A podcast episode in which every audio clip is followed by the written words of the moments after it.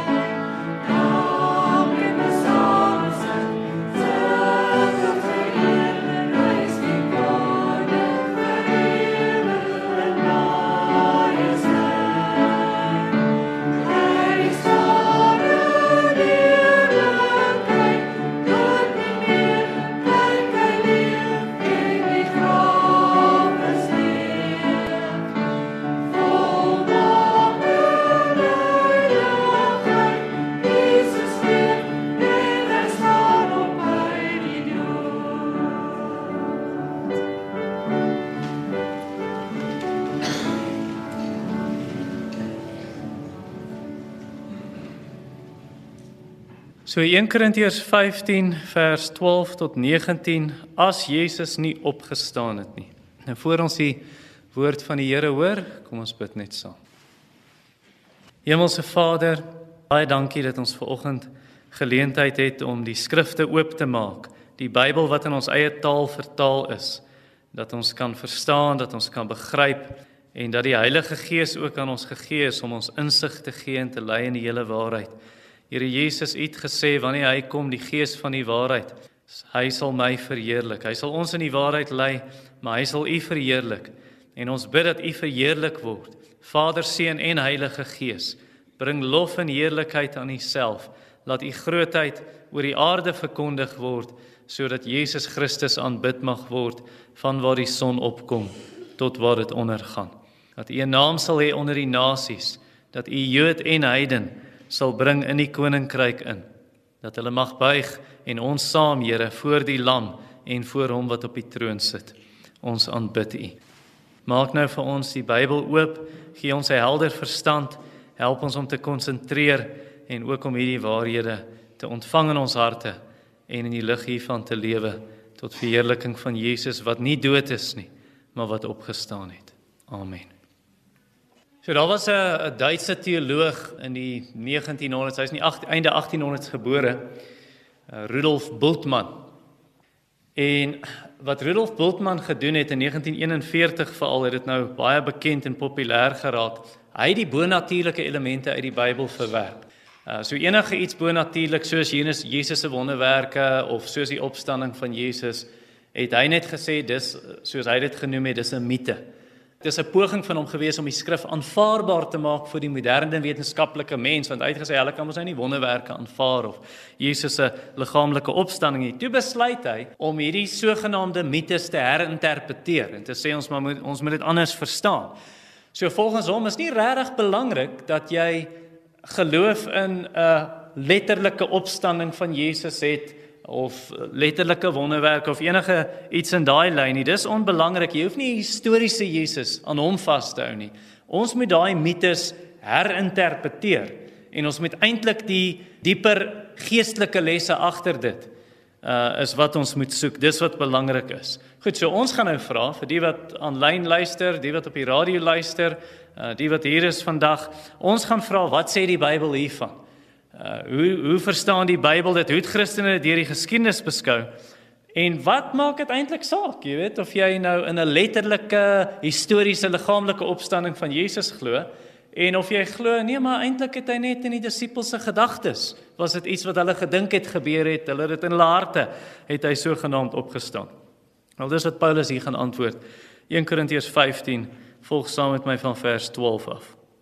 As dit dan gepreek word dat Christus uit die dode opgewek is, hoe sê sommige onder julle dat daar geen opstanding van die dode is nie? As daar geen opstanding van die dode is nie, dan is Christus ook nie opgewek nie. En as Christus nie opgewek is nie, dan is ons prediking te vergeefs en vergeefs ook julle geloof. En dan word ons vals getuies van God bevind, omdat ons teen God getuig het dat hy Christus opgewek het, wat hy nie opgewek het nie. Ten minste as die dode nie opgewek word nie. Want as die dode nie opgewek word nie, dan is Christus ook nie opgewek nie. En as Christus nie opgewek is nie, dan is julle geloof nutteloos. Dan is julle nog in julle sondes. Dan is ook die wat in Christus ontslaap het, verlore. As ons net vir hierdie lewe op Christus hoop, dan is ons die ellendigste van alle mense. As Jesus nie opgestaan het nie, nommer 1, dan sal ons ook nie opstaan nie. Dis in vers 12 en 13 en in vers 16. Nou die Grieke in daai tyd wat die Grieke geglo het, hulle het iets geglo wat genoem word dualisme. So dualisme beteken uh ons maak 'n onderskeid eintlik tussen die materiële, dit waarna jy kan vat, dit wat jy met jou sintuie kan ervaar en dit wat jy nou nie met uh, sintuie kan ervaar nie, soos byvoorbeeld jou gees. Nee, jy kan nie jou gees sien of hoor of proe of ruik of vat nie. Maar jou liggaam kan jy. So hulle het gesê die liggaam is sleg. Enigiets materieel is boos, dit is sleg. En so eintlik jou hoogste doel is, jou siel is soos 'n voël binne in hierdie hok van jou liggaam en jou siel moet net ontsnap en dit gebeur wanneer jy doodgaan. So dis 'n goeie ding. So hulle het nie geglo in 'n opstanding van die dooies nie. So dit mag wees dat van hierdie Korintiërs hierdeur beïnvloed is en nou begin hulle dink soos jy onthou die Sadduseërs, nê. Nee, hulle het ook nie in die opstanding geglo nie. Matteus 22 Handelinge 23. So nou die Korintiërs, party van hulle het ook nou gesê, nee, maar die dooies gaan nie opstaan nie. En Paulus probeer hulle help hier en hierdie dinge, hierdie kraaies uitsorteer en sê waar het julle hier aangekom? En nou kom hy in vers 12 en hy sê vir hulle as dit dan gepreek word dat Christus uit die dode opgewek is, hoe sê sommige onder julle dat daar geen opstanding van die dode is nie? As daar geen opstanding van die dode is nie, dan is Christus ook nie opgewek nie. En in vers 16 weer, want as die dode nie opgewek word nie, dan is Christus ook nie opgewek nie. So sy punt is om te sê, as jy die opstanding kategories verwerp, dan moet jy mos nou sê Jesus het ook nie opgestaan nie. En dit weet julle het ons aan julle verkondig. Maar dis intellektuele selfmoord. Dis geestelike selfmoord om so te dink. Veral omdat die opstanding, die bewyse vir Christus se liggaamlike opstanding is oorweldigend.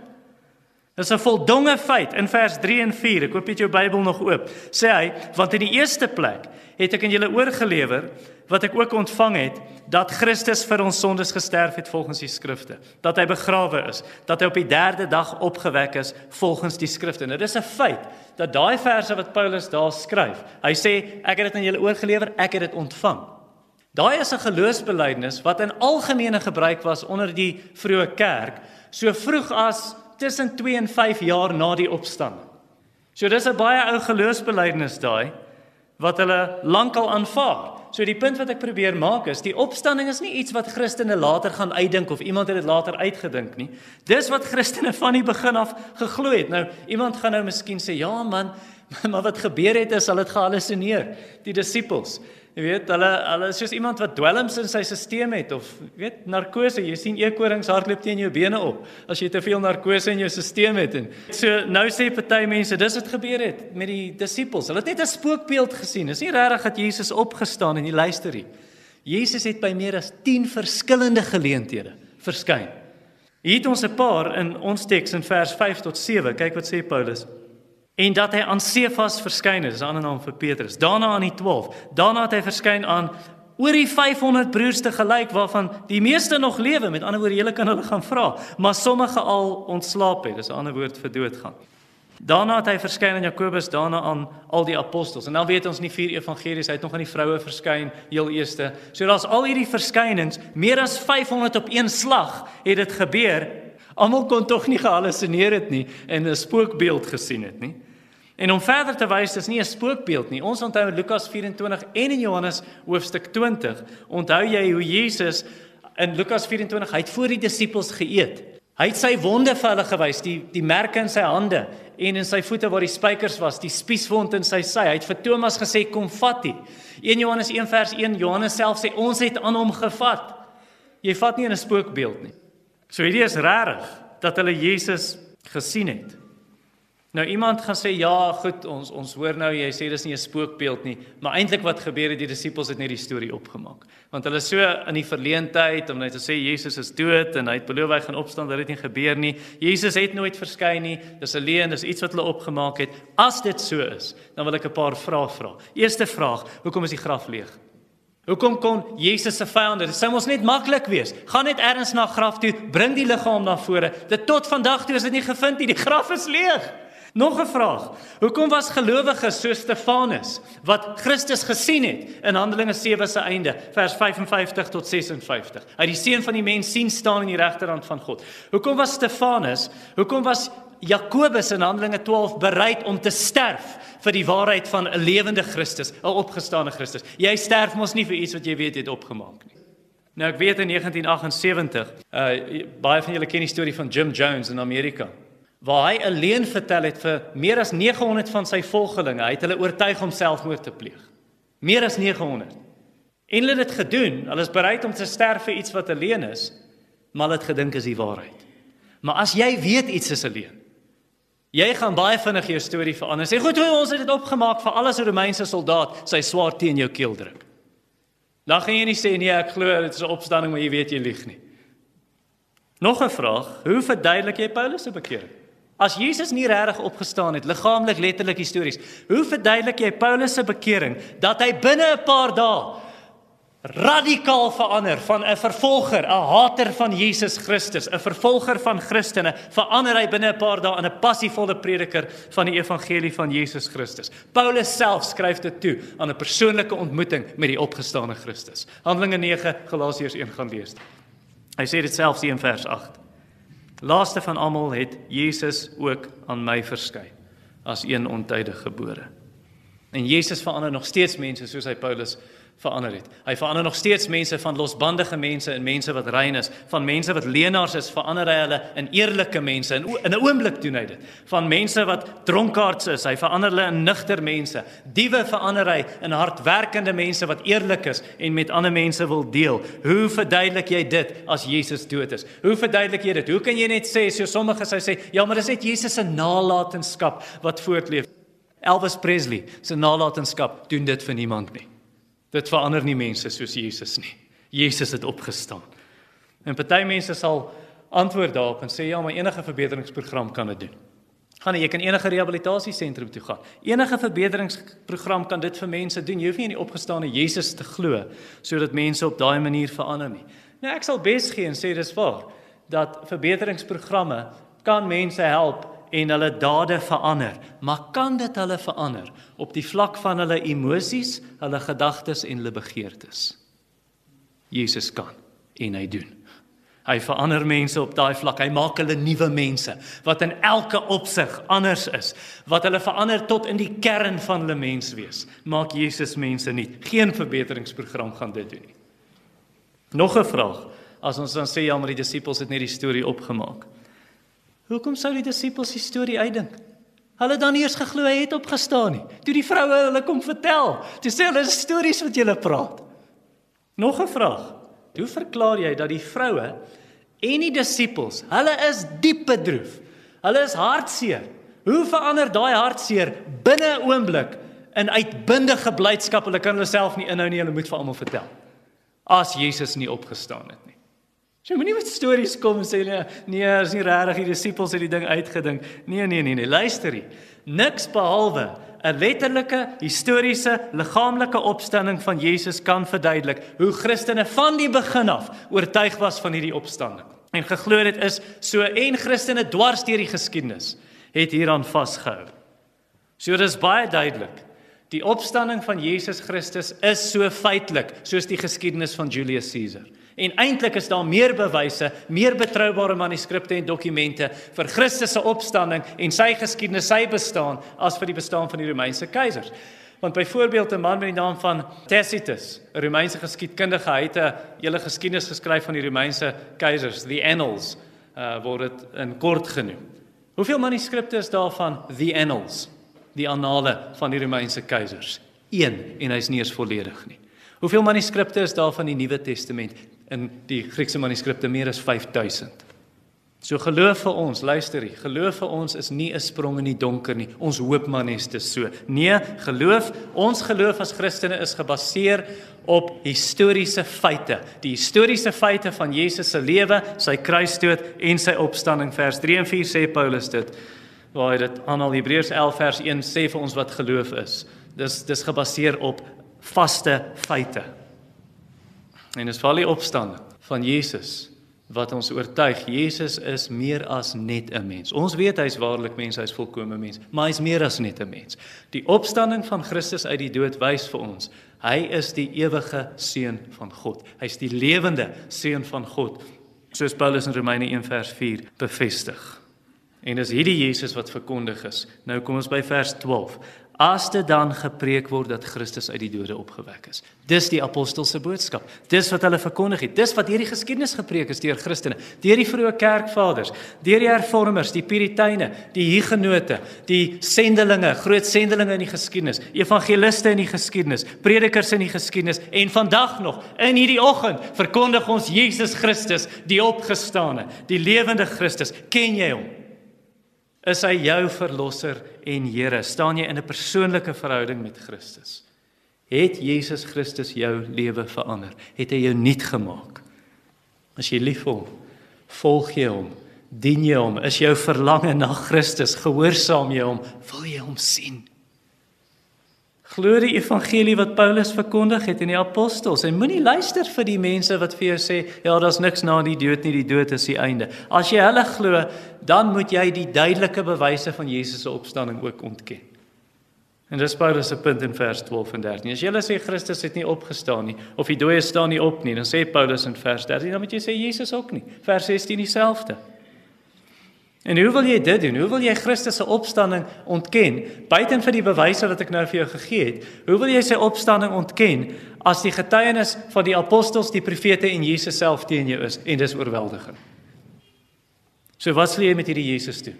Wat sal jy doen met Jesus? Wat sal jy doen met die woord van Christus? Sal jy sy woorde verdraai? Sal jy Jesus uitmaak as 'n bedrieger of miskien as as 'n mal mens uitmaak? Of sal jy saam met Thomas die knie voor Jesus Christus buig, Johannes 20 vers 28, en jou belydenis voor Christus is my Here en my God. Nommer 2. So as Jesus nie opgestaan in die tweede staan, dan is ons prediking en geloof sinloos en 'n leuen. Dis in vers 14 en 15 en ook in vers 17a. Ek het 'n goeie vriend, 'n sendeling vriend uh, wat in Limpopo werk, Amerikaner. Een keer toe kry hy 'n oproep. Jy kry mos daai oproep, iemand bel jou en sê, "Hoor jy, jy het 'n gratis vakansie gewen. Al wat jy moet doen is jy moet hierdie seminar kom bywoon en jy kry sommer 'n stel potte en panne verniet vir jou vrou." Uh en dan vertel hy hierdie storie. Ag man, hy toe hy toe besluit. Hy gaan daai seminaar bywoon en hy gaan niks koop nie. Hy soek sy gratis vakansie. En hy het toe gegaan na die seminaar toe. En hy moes dit uit hulle uittrek op die einde. Dit was leebeloftes. Hy moes inbetaal vir sy in aanhalingstekens gratis vakansie. En vir sy potte en panne, leebeloftes. En net so ons kan sê die apostel se prediking, Paulus se prediking is leeg en ons geloof is leeg as Jesus nie opgestaan het nie. Dan is dit alles net leë beloftes. Vers 14. Kyk weer in die teks. As Christus nie opgewek is, dan is ons prediking vergeefs en vergeefs ook julle geloof en dan vers 17a en as Christus nie opgewek is nie, dan is julle geloof nutteloos. Meen, wat's die doel? Wat's die doel vir ons om vir mense te gaan sê, glo in Jesus. Hy's nou wel dood en hy kan niks vir jou doen nie, maar kom na ons kerk toe waar Jesus, waar ons se Jesus aanbid wat dood is. Ten minste gaan jy 'n warm gevoel kry. Ek weet jy kan dit in 'n kroeg ook kry of as jy na jou gunsteling sanger luister, hulle kan dit ook vir jou gee. Luister hier. As Jesus nie opgestaan het nie, dan is ons boodskap maar 'n droewige een. Om die waarheid te sê, Christendom is 'n klug. Die kerk moet eintlik hulle deure toemaak. Daar is nie plek vir predikante nie. Daar is nie plek vir sendelinge, vir evangeliste nie. Doen iets anders, gaan klip mense se tonals. Doen iets. Maar moenie 'n prediker wees nie. Maar ek wil vir jou sê gelukkig het Jesus opgestaan. En ons kan hierdie goeie nuus van die ewige lewe aan mense gaan verkondig. En ons kan vir mense sê hierdie lewe is vir elkeen wat hulle bekeer tot Jesus Christus, wat draai na Christus, wat Christus vertrou as die verlosser om hulle te red van die ewige oordeel. Die bekendste vers in die Bybel sê dit. So lief het God die wêreld gehad dat hy sy enige gebore seun gegee het sodat elkeen wat in hom glo nie verlore mag gaan nie, maar die ewige lewe kan hê. Hoe lewe jy as Christus nie lewe? So dan kan jy nie lewe hê per implikasie, dan kan jy nie lewe hê as Jesus dood is nie. En dan lieg ons om vir mense sê te sê Jesus lewe en hy kan lewe gee. Soos vers 15 sê. En dan word ons valse getuies van God bevind omdat ons teen God getuig het hy Christus opgewek het wat hy nie opgewek het nie. Of ten minste as die dode nie opgewek word nie. Of om Leon Morris se woorde te gebruik, Christ rose or we all lied. Dis die enigste opsies. En as mense ons nie kan glo oor die kern van die evangelie nie, oor die opstanding van Christus, en wat anders moet hulle glo? As hulle ons nie eens hierin kan glo nie, wat se ander goed gaan jy hulle vertel en jy verwag hulle moet jou glo? Veral as ons boodskap hulle wanhoopig laat en dit los hulle net depressief. As Jesus nie opgestaan het nie, derdens, dan is ons nog in die bande van sonde. Dis in vers 17b. So dis nou soos iemand, hy wil nou jou boete kom betaal Maar hy self het 'n klomp uitstaande boetes. Dan kan hy mos nou nie jou boete betaal nie. Vir Jesus om die straf vir ons sonde te dra, moes hy self geen sonde hê nie. Anderste wat sou gebeur het? Wel dan sou Jesus vir sy eie sonde gestraf moet word. Dan moes hy vir sy eie sonde betaal. En as dit die geval was, dan sou die Vader vir Jesus in die graf los. Hy sê sy seun in die graf los dat Jesus Christus dood is tot vandag toe, want dis sy verdiende loon. Hy's verdoem vir sy eie sonde. Luister hier, die opstanding wys juis vir ons. Jesus is die onskuldige. Hy het nie vir sy eie sonde gesterf nie, hy het nie sonde gehad nie. Hy het vir ons sonde gesterf. En dit wys juis vir ons dat die Vader sy offer aanvaar het en hom opgewek het uit die dood. Dis die punt van Romeine 4 vers 25. So om dan te gaan sê Jesus se opstanding is 'n leuen, Dis eintlik om te sê ons sonde is nie vergewe nie. Ons is nog in die mag van sonde, vers 17b. Kyk wat sê dit. Tweede deel van die vers. Dan is julle nog in julle sondes. En dan weer spreek Paulus homself. Want hy het nou net in vers 3 gesê Christus het vir ons sondes gesterf. Jesus het die prys betaal, die straf is gedra, die dood is oorwin. Dis hoekom ons in Jesus kan roem. Jy roem nie in dooie mense nie. Niemand roem in prinses Diana se dood nie. Ons roem in Christus se dood. Hoekom? Want hy's nie meer dood nie, hy lewe. Hy het opgestaan. Ek leef nie meer in die Christus leef in my. Die lewe wat ek nou leef, leef ek deur geloof in die seun van God wat my liefgehad het en homself vir my oorgegee het. Ek het my voorgenem om niks anders te roem nie behalwe in Jesus Christus deur wie ek vir die wêreld gekruisig is en die wêreld vir my. As Jesus nie opgestaan het nie, vierdens, dan is gelowiges wat gesterf het verlore. Dis in vers 18. Nou ons hoor dit op Christene se begrafnisse. Jy hoor die predikant staan daar voor en dan hier's 'n Christen wat gesterf het en dan sê hy dis baie hartseer vandag, maar ons het ook 'n troos want hierdie gelowige, hierdie broer of hierdie suster is nou by die Here. As Jesus nie opgestaan het nie. Wie die laaste lag, Jesus of die dood? Wel dan die dood die laaste lag. En dan beteken Jesus se kruisdood nie veel nie. Jy weet Jesus het probeer om ons te red, maar hy het hopeloos misluk. Dis eintlik wat jy sê as jy sê Jesus het nie opgestaan nie. En dan gaan ons die straf van ons eie sonde dra. Ons sal self die prys betaal wat beteken presies wat vers 18 sê. Paulus skryf daar, kyk in die teks, dan is ook die wat in Christus ontslaap het, ander woord vir dood, verlore. Dan die Christene wat wat gesterf het is dan verlore. Luister, ek weet nie wat sê jy vir mense.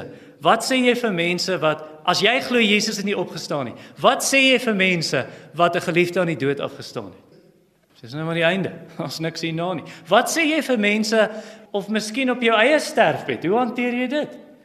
Of jy kom in 'n situasie, 'n pastorale situasie, miskien is jy jy's 'n lidmaat in 'n gemeente, jy's 'n predikant, jy's 'n ouderlinge diaken, jy gaan besoek iemand op hulle sterfbed. Wat sê jy vir hulle? Jong, ek het nie regtig hoop vir jou nie, dis nou maar die einde. Dis presies wat jy sê as jy sê Christus het nie opgestaan nie. Dan sit wat vers 18 sê, die wat gesterf het, wel, hulle is nou maar verlore. Jy het nie hoop nie. Laastens nommer 5. As Jesus nie opgestaan het nie, dan is ons betreurenswaardig. Jy weet jy wil amper sies tog. Ja, dit is nie regtig hoop vir julle Christene nie. Dis in vers 19. Ek onthou toe my ouma haar laaste 2 jaar omtrent en aan die einde het erger geraak wat sy demensie gehad het. Uh soos Alzheimer amper nê nee, wat jy jy begin vergeet. En dan sê jy vreemde goed. Kom ons moet nou die trein haal, ons moet Germiston toe gaan. Jy wil amper lag vir die goed wat hy sê, maar maar dan weer wil jy nie lag nie want dit is meer hartseer as wat dit snaaks is. Uh en so is Christendom. Christendom sonder die opstanding is nie eintlik snaaks nie, is hartseer. Dis hoe Paulus sê in vers 19. As ons net vir hierdie lewe op Christus gehoop het, dan is ons die ellendigste van alle mense. Jy weet jy voel jammer vir so iemand. Wat 'n sot, armsalige sot, die dwaas dat hy sy hele lewe lank hoop vir iets wat nie gaan gebeur nie. Hy verwag as hy sy asem uitblaas gaan hy by Christus wees en dan blaas hy sy asem uit en ons niks wat staan die verskil tussen mense wat in hierdie lewe in Jesus Christus gehoop het en die wat hom verwerp het? Wel, daar's nie 'n verskil nie. Daar's nie 'n verskil nie. Jy kan maar net sê wil jy vertrou in Freddie Mercury of in die Beatles plaas, gaan nie 'n verskil maak nie. En dit is presies om hierdie rede wat ek nie hou van die argument wat Christene partykeer teen ateëste gebruik. Jy sal hoor 'n Christen sê, jy weet as as die ateïs uh, reg is en daar is nie 'n God nie, wel, dan verloor ek niks. Ek is 'n Christen. Maar as ek reg is, ek die Christen, Ah, en daai ateïs is verkeerd en daar is 'n God, hy verloor alles. Dis nie 'n goeie argument om te gebruik nie. Dis nie waar nie. Paulus sê dit in vers 19, dis nie waar nie. Waar hy sê as ons in Christus net uh, um, in hierdie lewe op Christus gehoop het, ons is die ellendigste van alle mense. Ons is die ellendigste. As ek my hele lewe aan Christus gewy het en dis nie so nie. Hy het nie opgestaan nie. Daar is niks na hierdie lewe nie. Wat het ek gedoen? Ek het my hele lewe uitgestort vir Christus. Ek het self swaar kry vir dier. Party van julle is uitgeskuif by die werk. Jy's uitgeskuif deur familie. Jy stief behandel want jy volg Jesus. Party word selfs doodgemaak vir wat? Paulus sê dit in vers 32. As ek in Efese op menslike wyse met wilde diere geveg het, wat 'n voordeel was dit vir my? As Jesus nie opgestaan het nie, wat help dit? Ek meen dit sal beter wees om net te eet en drink soveel jy kan. Want dalk jy môre in die graf. Dis wat hy in vers 32 se tweede deel sê. As die dode nie opgewek word nie, laat ons eet en drink want môre sterf ons. Wel ek baie dankbaar is nie die geval nie. Baie dankbaar. Jesus het opgestaan en Jesus lewe en ons lewe deur hom. Jesus self het gesê ek is die opstanding en die lewe, wie in my glo sal lewe al het hy ook gesterf. Ek hoop die boodskap help jou as jou geloof miskien begin wankel het. En jy begin dink, hoe weet ons is regtig waar? Wie sê dis? Meen almal sê hulle ding is waar. Hoe weet ons Jesus het regtig opgestaan? Of miskien het jy so begin twyfel of dalk is jy self skepties geweest. Jy skepties of miskien erger. Jy het ander mense mislei op hierdie punt. Dalk sê jy 'n prediker, jy het mense mislei en vir hulle gesê, jy weet ons weet nie of Jesus regtig opgestaan het. Jy moet jou bekeer.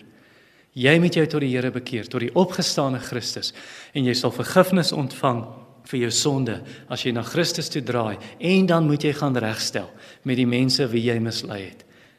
Want Christendom sonder die opstanding, dis nie Christendom nie. Dis nie Christendom nie, dis 'n resep vir wanhoop en 'n resep vir depressie. En ek wil jou so groet vandag en jy kan reageer wanneer ek vir jou sê Jesus het opgestaan en jy wil ek vra asseblief dat jy antwoord inderdaad Jesus het opgestaan. So hier's die groet. Jesus het opgestaan. Inderdaad. Jesus het opgestaan. Kom ons bid. Hemelse Vader, ons prys U dat U seun aan U regterhand sit. Lewend Jesus Christus ons middelaar. Here Jesus, ons aanbid U as die lewende Christus, die lewende en opgestane seun van God, die soewereine, die almagtige, die koning van konings en die Here van Here. Ons prys U naam en vir enige wat vandag dit betwyfel, Here, bid ek dat U sal deurbreek, dat U hulle wat dood is in hulle misdade en sonde lewend sal maak in Christus. Verheerlik U self daarin. En vir gelowiges bid ek dat U net weer nuwe moed en ywer gee om te weet ons lewe nie hopeloos nie, want Jesus het opgestaan en ons lewe in hom. Amen. Ons gaan afsluit met 'n lied. Kom ons verheerlik die Here hiermee.